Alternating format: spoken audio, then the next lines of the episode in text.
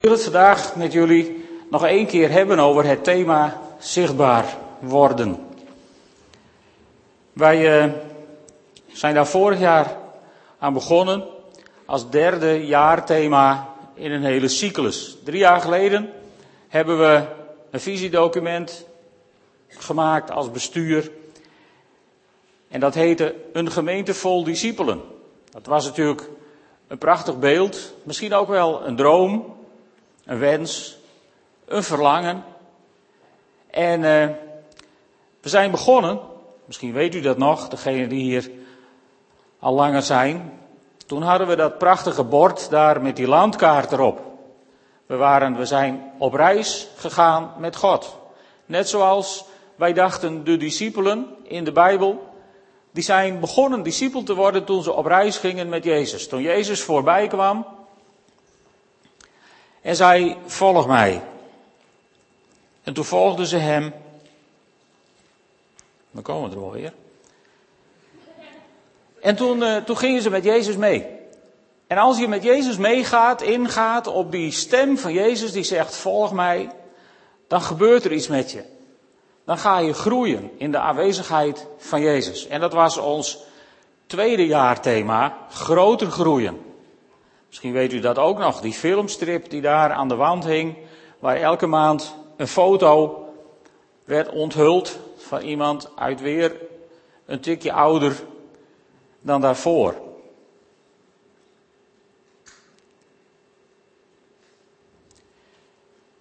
En dit jaar zijn we begonnen aan het thema groter groeien. Met die prachtige vuurtoren die Minja voor ons heeft geschilderd. En daar zijn we zo samen mee aan de slag gegaan. En nu ben ik bijna weer waar ik wilde zijn, geloof ik.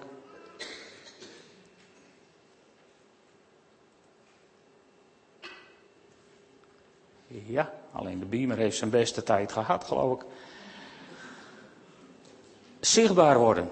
En toen we begonnen, toen zijn we een Bijbeltekst tegengekomen, die zijn we het afgelopen jaar meerdere keren tegengekomen. Uit Matthäus 5, vers 16, waar staat zo moet jullie licht schijnen voor de mensen, opdat ze jullie goede daden zien en eer bewijzen aan God in de hemel. Nou, aan de Vader in de hemel. Daar hebben we het verschillende keren wel over gehad. En zo zijn we die toren gaan bouwen.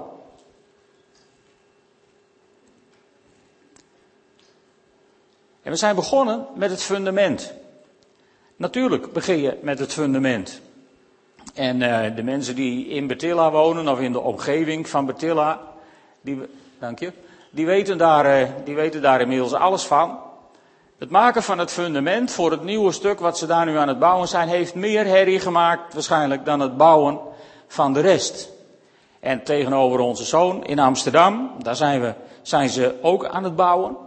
En in Amsterdam is het nog een hele andere wereld dan hier als je wat wilt bouwen. Als je daar een huis wilt bouwen, zit er meer geld onder de grond dan wat er staat boven de grond. En waarom doen we dat? Waarom planten we het huis plak dan niet gewoon neer? Omdat het dan in elkaar zakt of scheef gaat staan. Mijn schoonvader heeft ooit eens een huis laten bouwen en daar stond in het bestek, in het bouwplan, het zou gefundeerd worden op zand. En wat deed die aannemer? Die groef een heel klein sleufje, gooide zo'n laagje zand in de prut en daar werd het huis op gezet. En na een jaar of vier brak het in drie stukken. De voorgevel ging die kant op, de achtergevel ging die kant op en in het midden bleef redelijk rechtop staan. Er wilde geen raam of deur meer dicht of open. En zelfs de thermopeenramen gingen bal staan. En dat huis is gewoon gesloopt. Gesloopt. Er is een heel diep gat gegraven waar het huis heeft gestaan. En er is een nieuw huis gebouwd. En daar zat meer onder de grond dan er boven de grond stond. En toen brak het niet in drie stukken. Het fundament is dus heel belangrijk. En wat is ons fundament? Wat is jouw fundament in het leven? In 1 Korinthe 1, vers 21, daar staat: Het is God die u en ons Christus als fundament geeft. Kun je daar ja op zeggen? Is Christus het fundament in uw leven? Anders hebt u namelijk een groot probleem. Dan breekt u misschien wel niet in drie stukken, maar misschien wel in vijf of tien of. In ieder geval gaat het scheef groeien als Christus niet het fundament is. Dat fundament is dus heel belangrijk. En toen we het over dat fundament hebben gehad, zijn we gaan bouwen aan de toren. Hoger en hoger. Met als beeld de gemeente. De gemeente is eigenlijk ook een bouwwerk. Vorige week heeft, uh, heeft, heeft de spreker het gehad over levende stenen. En, en de vraag is, ben je zo'n levende steen die zich in dat bouwwerk laat voegen? Om samen gemeente te zijn, om samen, samen dat neer te zetten waar mensen door, door gesteund kunnen worden, door geholpen kunnen worden, bemoedigd kunnen worden, kracht kunnen vinden. Zijn we dat met elkaar? Zijn we zo'n toren geworden? Nou, misschien denk je, daar moet ik nog heel veel aan doen. Maar dan gaan we, als we niet oppassen, heel gauw uit eigen kracht aan de slag. En, en in Psalm 127, vers 1, hebben we toen deze tekst ontmoet. Als de Heer het huis niet bouwt, vergeefs zwoegen de bouwers. Het gaat er dus om dat je je laat leiden door God als je gaat bouwen aan de toren. Niet om zelf wat te presteren, niet om, om, om beroemd te worden of jezelf op de borst te slaan van kijk, wij eens van open thuis. Nee, als de Heer het huis niet bouwt, is alles wat we verder doen een zinloze bezigheid. Een verloren strijd, zou je kunnen zeggen. Gefundeerd op Christus, gebouwd door God, want Hij is het die de wasdom geeft, staat ergens anders in Corinthiërs. Hij is het die de groei geeft, Hij is het die ons laat groeien. En toen zijn we bezig gegaan met het licht. Toen was het ook december, dat is natuurlijk de maand van de kortste dag. En daarom grappigerwijs ook de maand van het licht, want dan verlangen we allemaal dat de dagen weer langer worden. En toen hebben we ontdekt, het licht kwam naar deze wereld. En wie was het licht? Christus. Hij zei dat ook. Ik ben het licht van de wereld, zei hij. Maar een poosje later, toen zijn dienst op deze aarde erop zat en het eraan zat te komen dat hij naar de hemel zou gaan, toen wees hij naar zijn discipelen en toen zei hij, jullie, jullie zijn het licht van de wereld. Jullie. Jullie. Wij dus. Het licht van de wereld. Ben je dat ook geweest het afgelopen jaar? Het is zo een vraag om even over na te denken. Zijn wij het licht van de wereld geweest? Ben jij in je straat, op je werk, in je klas, op school, wherever? Ben jij het licht van de wereld geweest? Daar waar jij dit afgelopen seizoen hebt gefunctioneerd? Heb je ergens een lichtsprankje kunnen zijn voor mensen om je heen? Want dat is de opdracht die we van Jezus hebben meegekregen. Het licht. En in het nieuwe jaar zijn we ons een paar dingen gaan afvragen. We hebben ons afgevraagd, hoe ben je dan herkenbaar als discipel? Hoe ben ik herkenbaar? Ik weet niet of jullie het je hebben gedurfd af te vragen het afgelopen jaar. Heb je voor de spiegel gestaan en tegen God gezegd, hoe ben ik nou herkenbaar? Ben je herkenbaar als die zuurpruim uit de buurt, die iedereen zondags wel naar de kerk ziet gaan, maar waar door de week geen fatsoenlijk woord mee te spreken is?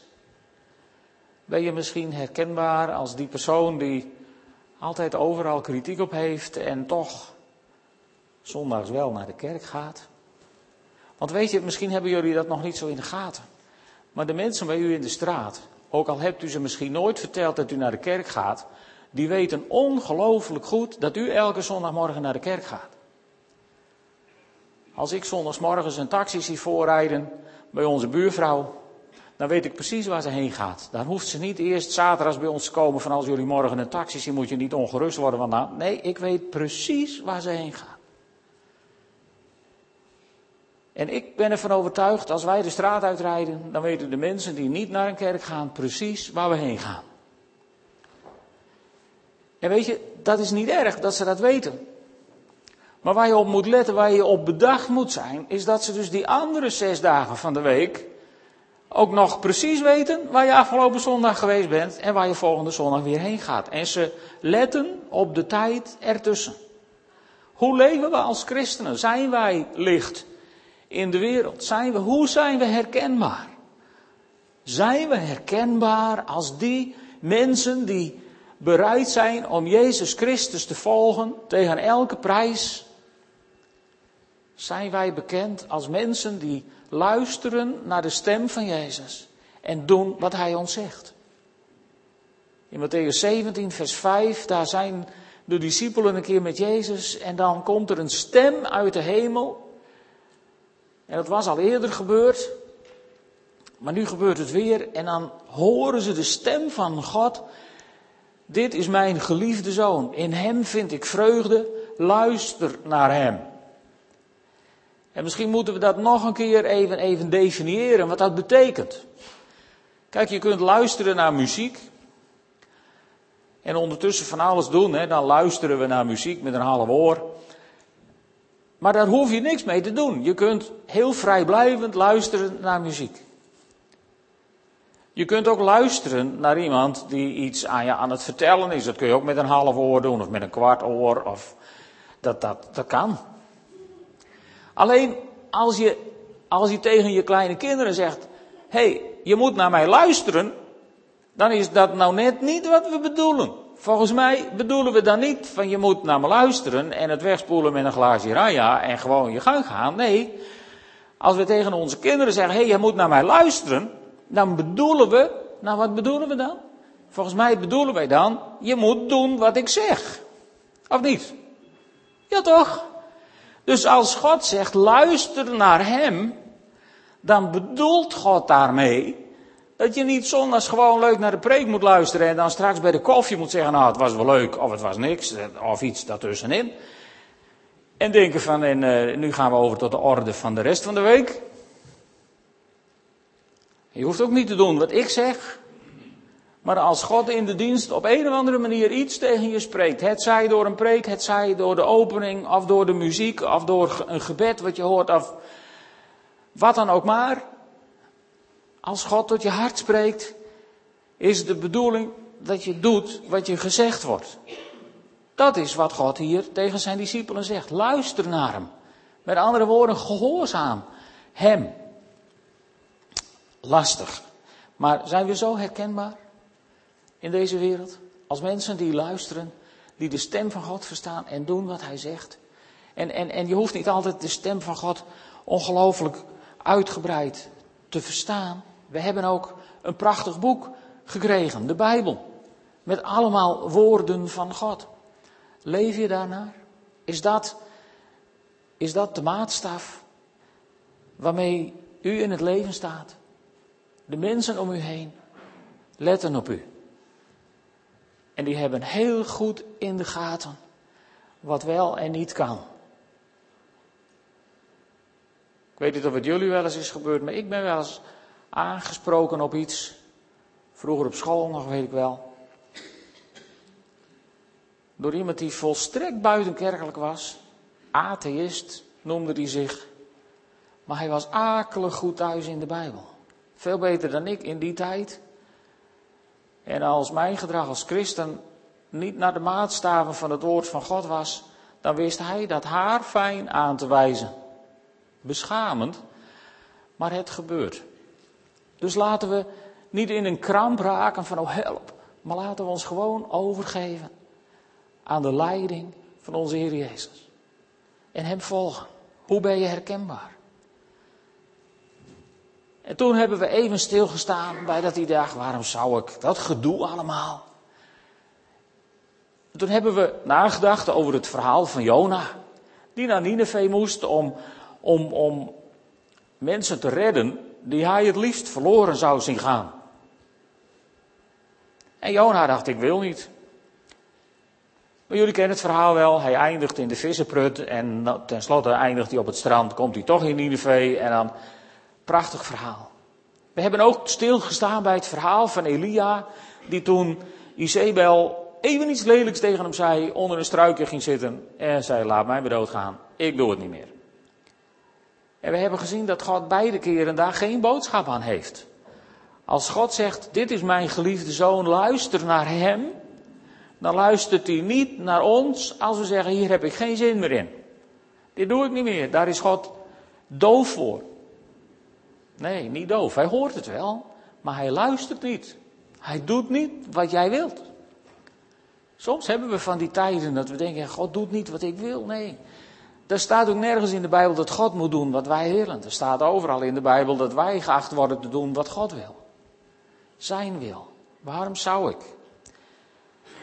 En voor wie schijn ik eigenlijk? Voor wie doe ik het eigenlijk? Kom ik weer terug bij die tekst uit Matthäus 5, vers 16. Zo moet jullie licht schijnen voor de mensen. Mensen. En waar, waar kennen jullie mensen? Kom je die nog wel eens tegen? Je hoeft er niet voor naar Artes. Nee, sommigen lijken er wel wat op, maar. Waar ontmoet je mensen? Je hoeft er ook niet voor naar de kerk. Ja, je ontmoet ze hier ook wel, maar ik bedoel, als, als God zegt, zo moet jouw licht schijnen voor de mensen, waar vind je die dan? Je hoeft er niet zo lang op te zoeken hoor. Als je s'morgens de gordijn open doet en voor je slaapkamerraam staat, zie je ze al. Want dan halen ze het huisvuil op, of ze maaien het gras, of ze doen whatever. Of ze zijn op hun fietsje op weg naar ergens. Mensen. En als je in de tuin zit, op een mooie zomerdag, dan hoor je ze aan de andere kant van de schutting. Mensen. Maar schijnt ons licht voor die mensen? Dat is de uitdagende vraag. Schijnt ons licht voor die mensen? Of blijft ons licht veilig binnen de schuttingen van onze tuin? Binnen de muren van ons huis? Of schijnt ons licht voor de mensen? Iets om deze zomer eens over na te denken. En als je licht dan schijnt voor de mensen, dan kun je je afvragen, maar hoe blijf ik dan schijnen? Hè? Hoe hou ik dat nou vol? Hoe, waar haal ik de kracht vandaan om te blijven schijnen? Nou, we hebben het woord van God, de Bijbel, als krachtbron. Hoeveel tijd brengt u inmiddels door in het woord van de Bijbel? Drie jaar geleden zijn we begonnen met zo'n boekenleggertje. Ik weet niet of u dat nog heeft. Zo'n boekenleggertje met deuren naar discipelschap. Onder andere het lezen in de Bijbel. Het praten met de baas. Bidden. In gebed contact hebben met God. En nog een heel aantal dingen stonden erin, maar dit waren toch wel de twee belangrijkste. Hoeveel tijd bent u daar de afgelopen drie jaar aan gaan spenderen? Meer of minder dan in het begin? Of bent u er nog steeds niet aan toegekomen? Dat zou natuurlijk ook kunnen. Maar hoe blijf je dan schijnen? Ik bedoel, als je, als je, als je hier een, een, een, een, lampenpit neerlegt, die doet van zichzelf doet die niks. Want er moet wat in.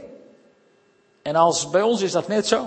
Wij worden geacht te schijnen, maar als er niks in komt, als het woord van God niet in ons komt, hebben we niks te schijnen. Dan zal er ook nooit wat uitkomen.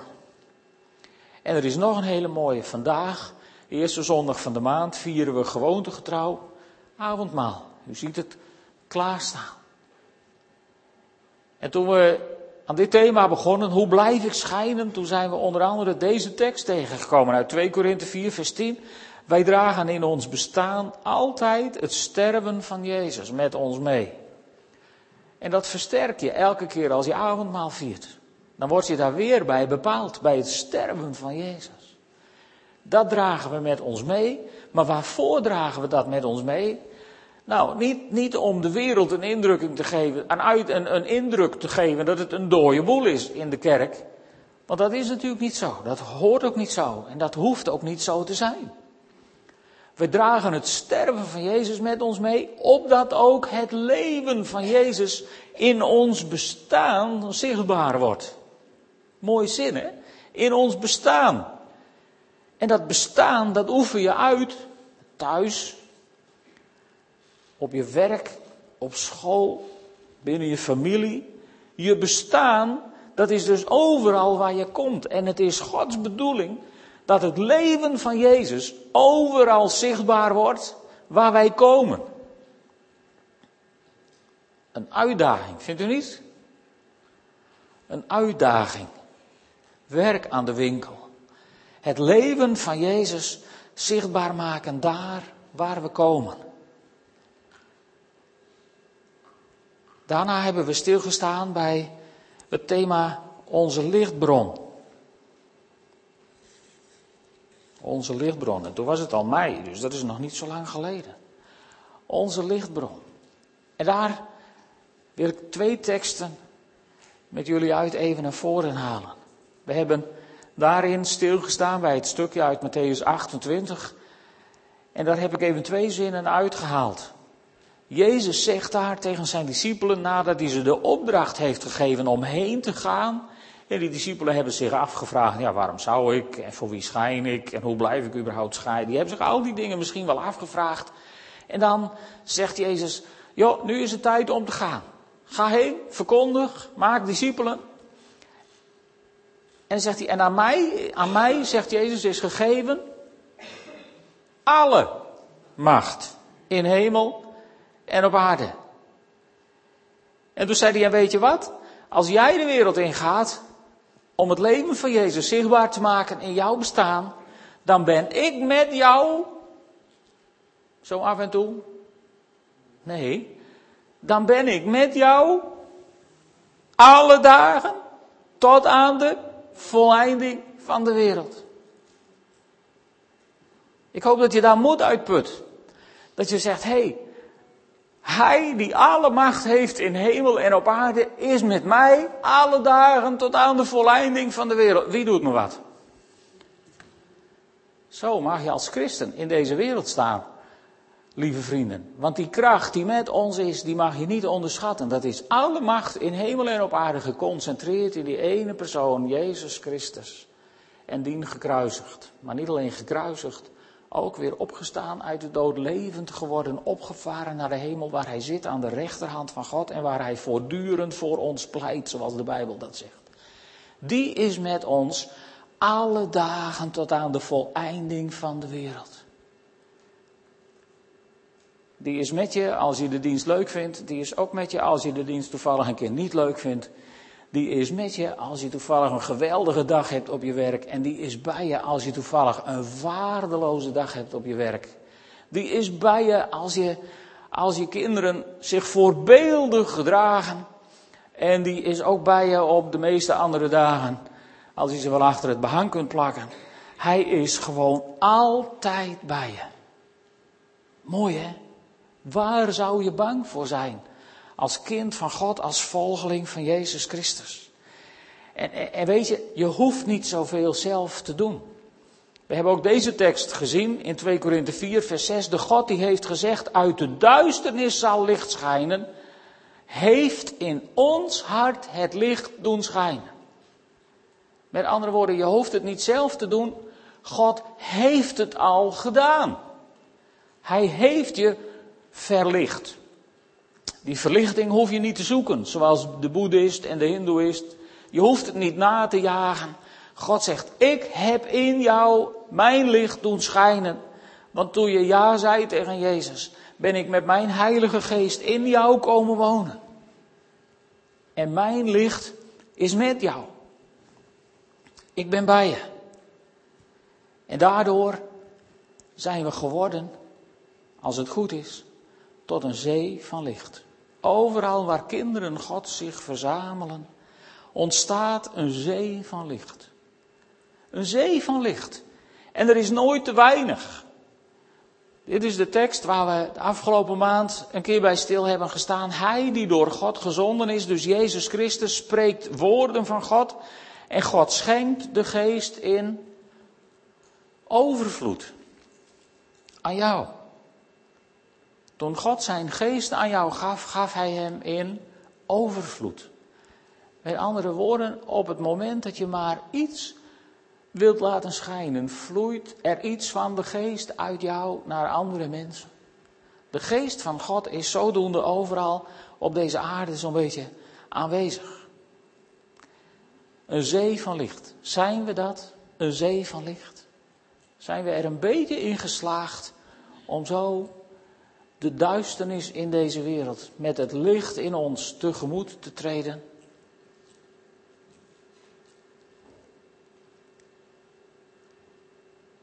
En zo ben ik bij dit laatste maandthema gekomen. Zichtbaar worden, officieel. Maar waar ik jullie vanmorgen op het hart wil binden, is dat we zichtbaar zijn. En dat we geacht worden zichtbaar te zijn. En moet u eens even opletten. Ik heb de vuurtoren wat opgerekt. En als je dan terugkijkt naar de afgelopen jaarthema's, wie is dan het fundament? Christus. En wie is onze lichtbron?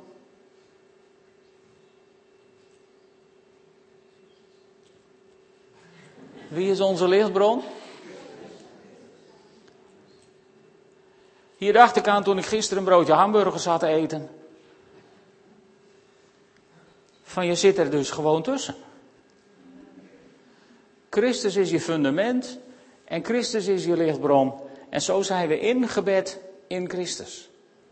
Hij is degene waar we op staan en hij is degene die op ons staat als het licht. En wij zitten er alleen maar tussen. Moeilijker is het niet, lieve vrienden, om licht in deze wereld te verspreiden. Ingewikkelder is het niet. Hij zorgt dat we kunnen staan en hij staat bovenop ons. En als mensen niet zien, wat zien ze dan? Dan zien ze Christus. Als je midden in de nacht de vuurtoren ziet, wat is het wat je ziet? Het lichtje er bovenop en dat is alles wat je ziet. En dat is wat mensen naar de veilige haven leidt, s'nachts in de duisternis. En dan kan deze wereld nog zo donker zijn. Maar als wij zo in het leven staan, in gebed in Christus, gefundeerd op Christus en lichtdragers van Christus, dan moet de wereld ons zien. En weet je, toen dacht ik, hé, hey, eigenlijk moet hier ook nog een Bijbeltekst bij. En dan kwam ik op deze Bijbeltekst. Jezus zegt, ik ben de Alpha en de Omega. Ik ben het begin en het einde, de eerste en de laatste. Ik ben het fundament en ik ben het hoogste punt. En jij hoeft er alleen maar tussen te zitten. En zo zegt God, luister naar Hem. Wil jij in de sandwich met Jezus? Dan beloof ik je geweldige tijden. Dan zul je zichtbaar zijn. En misschien zullen mensen jou niet eens herkennen. En weet je, dat hindert niet. Want het gaat niet om mij. Het gaat niet om open thuis. Het gaat hopelijk om niemand van ons. Het gaat erom dat mensen Jezus zien als ze ons ontmoeten. Zullen we samen een moment bidden? Mag ik jullie vragen op te staan? Vader in de hemel, wat hebben we het soms vreselijk ingewikkeld gemaakt? Ook als kerk, Heer. Terwijl u het zo eenvoudig bedoelde.